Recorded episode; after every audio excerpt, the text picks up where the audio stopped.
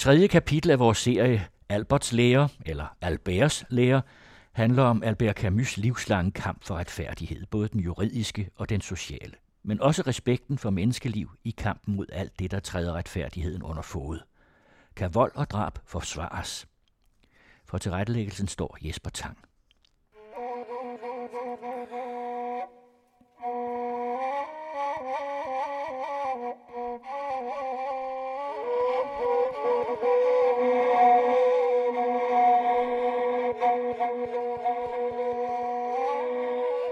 Tiare den 21. marts. Her til morgen er hele Tiare-egnen stadig dækket af sne, men himlen klarer op, og langs vejen fra Trezel til Tiare kan man se uendelige kornmarker uden et træ, uden et hus, uden et menneske, og der forstår man, at egennytte er det eneste i dette sjælløse landskab, der får menneskene til at fortsætte den kamp, som foregår på egnen om dens eneste afgrøde. Retsforfølgelsen af Michel Audin er blot en episode i denne kamp, en kappestrid mellem had og griskhed.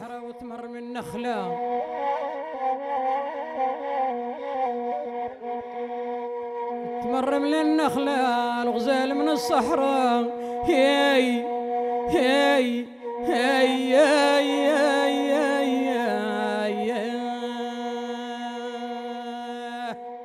Avisen Alger Republicains udsendte medarbejdere i de nordlige Atlasbjerge denne 21. marts 1939 var ingen anden end Albert Camus.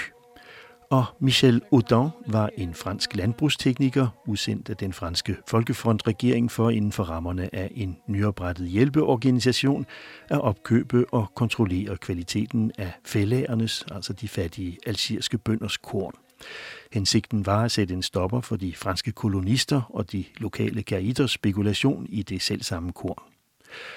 Odon udførte sit arbejde med en dygtighed og forståelse for bøndernes situation og havde derfor opnået en reel popularitet blandt fællærerne, noterede Camus i en af den række artikler, som blev det første, men langt fra det sidste tiltag fra Camus' side på at forsvare ret og retfærdighed på en meget konkret måde, og med en logik og en værve, som man godt kunne ønske sig mere af i dag, hvor kynismen og instrumentaliseringen af magt- og retsapparatet tit får lov til at gå så upåagtet hen, at den også bliver ustraffet, både i Frankrig og her. Men den 23. august 1938 blev landbrugsteknikeren trods sin ihærdighed anholdt, anklaget for at have snydt bønderne og fængslet uden forudgående efterforskning. Da en kontrol af kornregnskaber og kornreserver kort efter viste, at der faktisk var en lille smule for meget og ikke spor for lidt korn, og at Audin altså var uskyldig, formulerede fredsdommeren en ny anklage for denne gang at have udstedt falske kornbonger og opretholdt på den måde fængselskendelsen.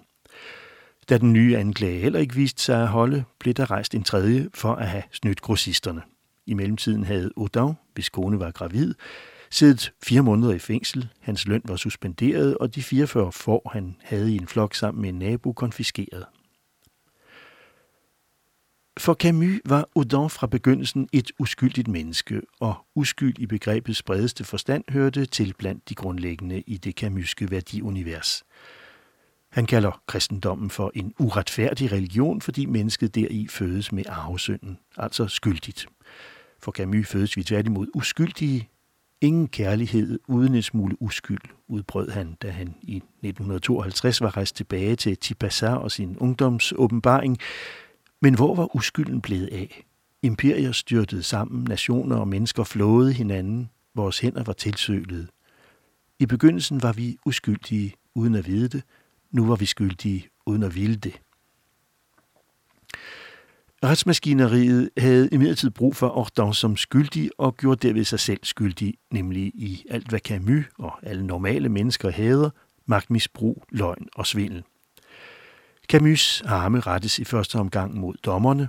Den profession og ikke mindst funktion er konstant i hans sigtekorn. Det berømteste eksempel er dommeren i Den Fremmede, der stikker et krucifiks op i ansigtet på Meursault i et, om en mislykket forsøg på at få ham til at gøre, som retssystemet ønsker. I en artikel i avisen Combat talte Camus i 1944 om dommerens komfortable position. Selvom Camus godt ved, at lovovertrædelser skal straffes, mærker man overalt en næsten instinktiv uvilje hos ham mod den, der giver sig selv lov til at dømme andre, fordi det ligesom underforstår, at han anser sig selv for uskyldig. Hvis det da ikke på en ganske pervers måde forholder sig omvendt, i romanen Faldet fra 1956 opfinder Camus den angrende dommer, en forhåndværende agtet parisisk advokat, der nu sidder på en mørk og tåget bar i Amsterdams havnekvarter og kritiserer sig selv, bisker sin egen skyld så inderligt, at han føler, at det giver ham ret til at dømme andre. Camus vidste, hvad det handler om, for en mulig, måske nok overfladisk læsning af romanen gør den til et portræt af den parisiske intelligensia med Sartre i spidsen, en kritik af eksistentialisterne, som Camus stedigt nægtede nogensinde at have hørt til, og som efter at have kritiseret deres egen borgerlighed i 1950'erne voldsomt kritiserede hans filosofiske hovedværk Oprøren, hvis forfatter blev dømt som amatørfilosof og endnu værre i 50'ernes Frankrig som socialdemokrat, fordi han kritiserede marxismen og de totalitære frø, som spiger i enhver ideologi at Camus havde og at fremtiden bevisligt fik ret, bør være stof til eftertanke for alle, der dømmer for hurtigt, det vil sige undlader at se det, som er. À Saint-Germain-des-Prés, il n'y a plus d'après. À Saint-Germain-des-Prés, plus d'après-demain, plus d'après-midi, il n'y a qu'aujourd'hui, quand je te reverrai à Saint-Germain-des-Prés, ce ne sera plus toi, ce ne sera plus moi, il n'y a plus d'autre foi à vivre au jour le jour. Dommerne i Oudon-sagen beskrives af journalisten Camus som mennesker, der er for små til deres funktion. Og det er de, fordi de er uhederlige endnu et af de begreber, vi har skubbet langt bagud i bevidstheden, men som hos Camus ustandsligt er i centrum, kan man ikke altid være sikker på, at man er i sandheden, kan man i det mindste være hederlig, det vil sige undlade at lyve, især over for sig selv. Dommernes uhederlighed består i at glemme deres pligt, nemlig det at være lovens håndhæver til fordel for beskyttelsen af de europæiske kolonister og de lokale kaiders spekulation i fællærernes afgrøder, et svindelnummer, som Udons hederlighed river tæppet væk under. Og den terrængående journalist Camus var gik endnu videre. På et tidspunkt finder han en højst officiel rapport, der beskriver et så svindelbehæftet rabat- og prisudligningssystem, at man, hvis der blev ryddet op i det, kunne sætte halvdelen af Algiers landbrugsteknikere i fængsel, som der står helt officielt. Hvad man altså ikke gør, hvorfor Camus også kan lange ud efter koloniadministrationens korrupte funktionærer og et vist antal parlamentarikere, som man skriver. Korruption, vilkårlighed og instrumentalisering, hverken Algeriet eller Camus har opfundet nogle af delene, eller i øvrigt formået at afskaffe dem, men Camus smøger ærmerne op, beskriver dem, harmes over dem, protesterer og oprøres over uretfærdigheden. Den lille hvide, sådan som man kaldte de fattige af de franske udvandrere til det oversøiske franske departement Algier var mellem 1830 og 1962. Den lille hvide, altså Camus, blev i de år, hvor Algerkrigen spidsede til, ofte kritiseret for sit vælsind, nogen kaldte det direkte for hans forræderi, med hensyn til Algeriets fremtid. Han havde, som han selv udtrykte det, ondt i sit Algier. Han vendede sig aldrig til tanken om adskillelse af Algier og Frankrig. Til gengæld var der ikke nogen tvivl i hans moralske sjæl om, at departementets to befolkningsgrupper burde have de samme borgerlige rettigheder. Man redder ikke det franske i hverken Nordafrika eller andre steder, hvis man ikke redder retfærdigheden, formulerede han det til i en anden artikel i Combat, denne gang i 1945. Og social retfærdighed hedder lighed, i en 11 artikler lang serie, stadig i avisen Alger Républicain, om forholdene i den fattige kabyliske region, beskrev han i 1939 detaljeret den sociale ulighed med lønforskellen mellem europæiske og indfødte arbejdere som det mest slående eksempel. Og han støttede kabylernes krav om selvbestemmelse, ligesom han tidligt bakkede de algeriske nationalisters sag op og bifaldt det såkaldte Violet-projekt om demokratisering af det politiske liv i Alger. Som en helt naturlig forlængelse i kampen for retfærdighed støttede han også aktivt for eksempel de internationale brigader og republikanerne i Spanien, og han protesterede mod det fascistiske Italiens imperialistiske kolonipolitik i Etiopien.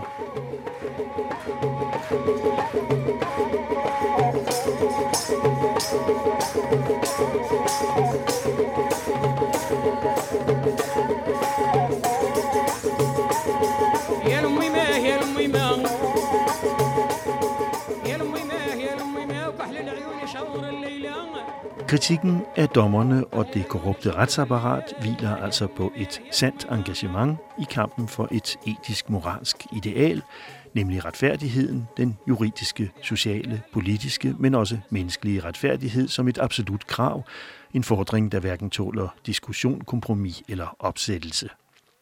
Alt eller intet er den eneste formulering, der kan tilfredsstille uskylden, står der i en af Udon-artiklerne, Kræver man retfærdighed, kræver man fuld retfærdighed, skrev Camus også.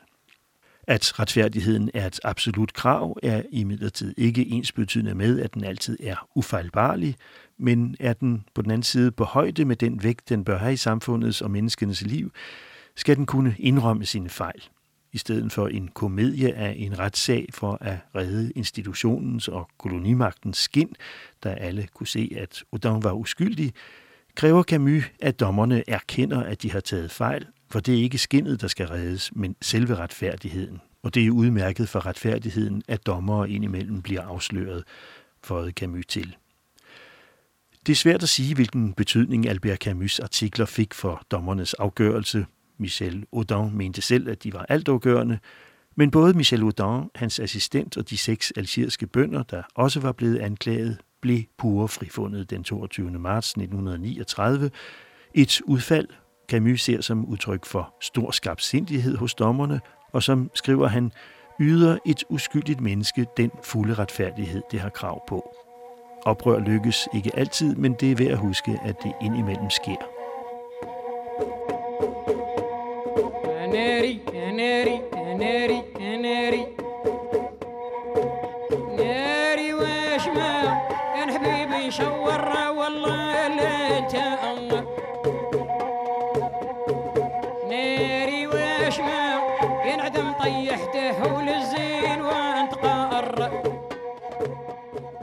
Jeg vil kunne elske mit land og samtidig elske retfærdigheden, skrev Camus i det første af fire breve til en tysk ven i juli 1943. Vennen er fiktiv, og Camus gjorde senere opmærksom på, at det ikke er en tysker i al almindelighed, men en tysk nazist, han skriver til, og det er fordi denne en dag har sagt, at hans lands storhed går forud for alt andet. Nazisten er altså parat til at ofre alt og gøre alt for at sikre denne storhed, og da Camus umuligt kan være enig i det, bliver han anklaget for ikke at elske sit land. Problemet, skriver Camus, er, at jeg ikke ønsker en hvilken som helst storhed, hvis det blev blodets eller løgnens. Og så vender han argumentet om, det er ved at lade retfærdigheden leve, at jeg vil få det, altså mit land, til at leve. Hvor nazisten øjeblikkeligt griber til våben og dræber og ødelægger i en kommende højere civilisations navn, udspørger franskmanden, det vil sige modstandsbevægelsens franskmand, han udspørger sin fornuft og moralen, har han ret til at dræbe og ødelægge. Den overvejelse tager tid, og i den tid dræbes mange mennesker uretfærdigt af nazisterne, men det er prisen, vi gik ind i denne krig med rene hænder, skriver Camus, offrenes og de overbevistes renhed, og vi skal gå ud af den med rene hænder, men denne gang med den renhed, der kommer af en stor sejr i kampen mod uretfærdigheden og mod os selv. For I skal ikke tro andet, end at vi sejrer. Man ejer kun det, man har betalt. Vi har betalt dyrt, og vi skal betale endnu mere, men vi har vores vidshed, vores grunde og vores retfærdighed. Jeres nederlag er uundgåeligt. Jeg har aldrig troet på sandhedens magt i sig selv, men det er allerede ikke så lidt at vide, at når sandheden og løgnen har den samme energi, vinder den første, altså sandheden, altid over den sidste, løgnen.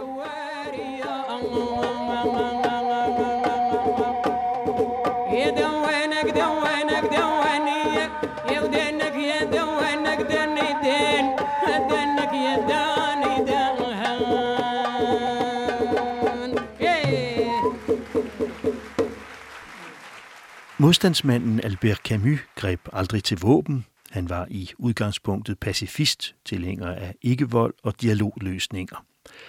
Men han var på den anden side også alt andet end naiv og afviser derfor ikke kategorisk brugen af vold. Spørgsmålet om, hvordan den brug skal administreres, er i centrum af Camus' moralske overvejelser over retfærdighedsbegrebet, og de kom hurtigt til at handle om vold og terrorisme, så måske er der afklaring at hente hos ham også i dagens verdenssituation. Den totale krig er erklæret, og den kræver total modstand, skrev han i 1944 i en leder i Combat, der på det tidspunkt var en illegal avis, som han var chefredaktør for. Han opfordrede derfor til sabotage og strækker og demonstrationer og til aktioner i byerne, på fabrikkerne og mod fjendens jernbanelinjer, og især mod Vichy, regeringens militskorps, for enhver militssoldat er en mulig morder. Men for Camus skal vold altid være en undtagelse, for det er den eneste måde at sikre sig på mod den spiral, volden ellers næsten automatisk forvandler sig til. Vold avler som bekendt modvold, mor kalder på mor. Jeg ville ønske, at vores eneste svar på mor var lov og ret, så vi undgår en uoprettelig fremtid, skrev han også i Combat. Der skal med andre ord være betingelser for voldsanvendelsen, og de betingelser er meget enkle for Camus. Alle fredelige, altså uvoldelige udveje skal være prøvet uden held, og voldens mål og omfang skal være nøje defineret på forhånd. Adressen er klar. Camus henvender sig til de ideologiske revolutionære og de totalitære regimer, de går svangre med, blandt andet som sagt de parisiske intellektuelle, der anså vold, også blind vold, for fuldt acceptabel, så længe den fremmede ideologiens mål, en bedre, mere retfærdig fremtid, det klasseløse samfund, menneskehedens frelse. Camus protesterer over for sin tyske ven. Der findes midler, som der ingen undskyldning er for og intet, skriver han et andet sted, kan retfærdiggøre vold mod børn, kvinder og civile, altså mod uskyldige. Og selv den største forbryder bevarer i sig et element af uskyld, for det har kendt smerten, siger Camus. Smerten er det, der knytter båndet mellem selv den grusommeste forbryder og det menneskelige. Retfærdighed er et absolut krav, men ligesom retfærdighedens håndhævelse som sagt ikke er ufejlbarlig, er ingen forbrydelse absolut. Derfor er Camus også imod dødstraffen.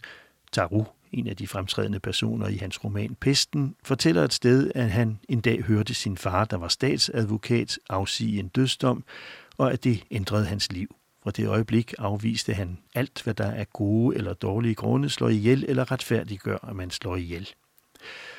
I sine overvejelser over guillotinen fra 1957, et skrift alle dødsdomsmodstandere i Frankrig henviste til indtil dødsstraffens afskaffelse i 1981, kalder Camus dødsstraffen for en dobbelt henrettelse.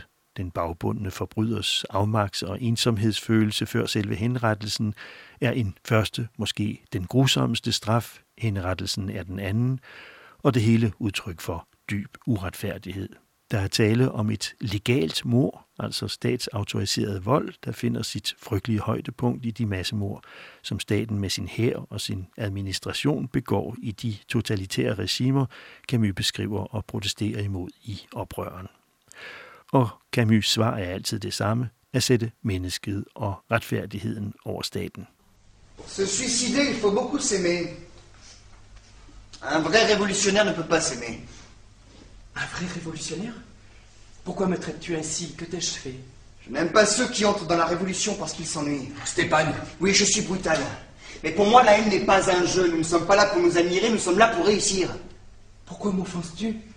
Qui t'a dit que je m'ennuyais? Mais je ne sais pas. Tu changes les signaux, tu aimes à jouer le rôle de colporteur, tu dis des vers. Je n'ai pas confiance en toi. For at begå selvmord må man elske sig selv højt. En ægte revolutionær kan ikke elske sig selv, siger Stepan, der lige er sluppet ud af fængslet og vender tilbage til en gruppe russiske terrorister, der forbereder et attentat i Albert Camus' skuespil De Retfærdige. En ægte revolutionær, spørger Kaljajev, som er terroristernes chef. Hvorfor taler du sådan til mig? Hvad har jeg gjort dig? Jeg kan ikke lide mennesker, der træder ind i revolutionen, fordi de keder sig. For mig er hadet ikke en leg. Vi er her ikke for at beundre hinanden. Vi er her for at sejre. Jamen, hvem har sagt, at jeg keder mig? Jeg ved ikke, du laver om på signalerne, du elsker at spille bissekræmmer, du fremsiger digte og nu selvmord. Jeg stoler ikke på dig. Svaret fra Kaljev lyder, jeg elsker livet, jeg keder mig ikke. Jeg er trådt ind i revolutionen, fordi jeg elsker livet. Jeg elsker ikke livet, men retfærdigheden, og den er mere værd end livet, svarer Stepan. Linjerne er trukket op. Personerne i De Retfærdige, et af de Camus-skuespil, som stadig regelmæssigt opføres både i og uden for Frankrig, er inspireret af mennesker, der har eksisteret i virkeligheden. Ivan Kaljejev var faktisk chef for en gruppe socialistiske revolutionære, som i 1905 gennemførte et attentat mod en storfyrste i Moskva. Over for den unge digter, der er forelsket i både Dora og livet, står altså den kompromilløse Stepan, der kun interesserer sig for revolutionær effektivitet og disciplin, og i øvrigt er frustreret over ikke at få lov til at være den, der kaster bomben. Men det vil chefen selv, og det i protest mod despotismen og i forsvar for livets skønhed. Vi accepterer at være forbrydere for, at jorden om sider skal blive befolket af mennesker uden skyld, siger Kaljajev under forberedelserne til attentatet samme aften. Men der lyder ikke nogen eksplosion ned i gaden, selv længe efter at han er gået. De andre går frem og tilbage i lejligheden, tvivlende, afventende, stadig ingen bombelyd. Pardonnez-moi, frère. Je n'ai pas pu. Cela faisait trop de monde, je suppose, pour notre poète. Par bonheur, les mouchards n'ont rien vu. Je ne pouvais pas prévoir. Des enfants. Des enfants surtout. As-tu regardé des enfants? Ce regard grave qu'ils ont parfois? Je n'ai jamais pu soutenir ce regard.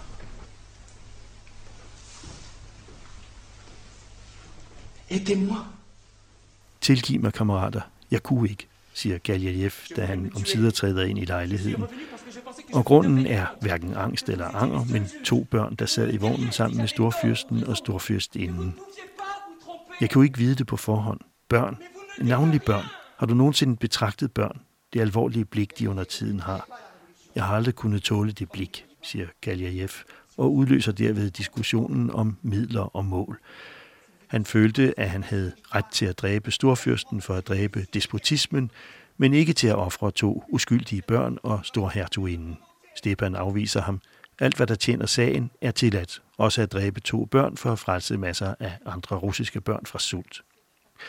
Camus står på Kaljajevs side. At dræbe to børn er æreløst, og uden retfærdighed er revolutionen meningsløs.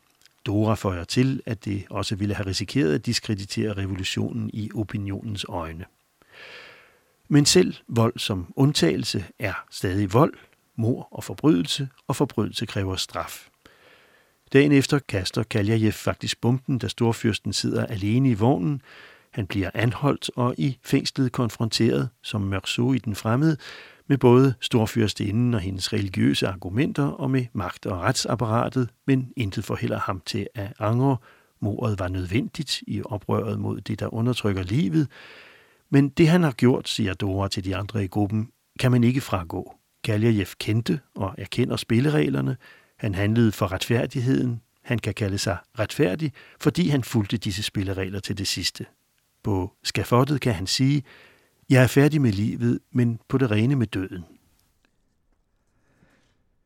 I dette tredje kapitel af radioserien om Albert Camus' forfatterskab hører de her til sidst uddrag af Camus' skuespil De Retfærdige – Rejmusikkens Grand Old Woman, Cheika Remiti, sang traditionelle algeriske sange, og Juliette Gréco sang om efterkrigstidens intellektuelle højborg Saint-Germain-des-Prés.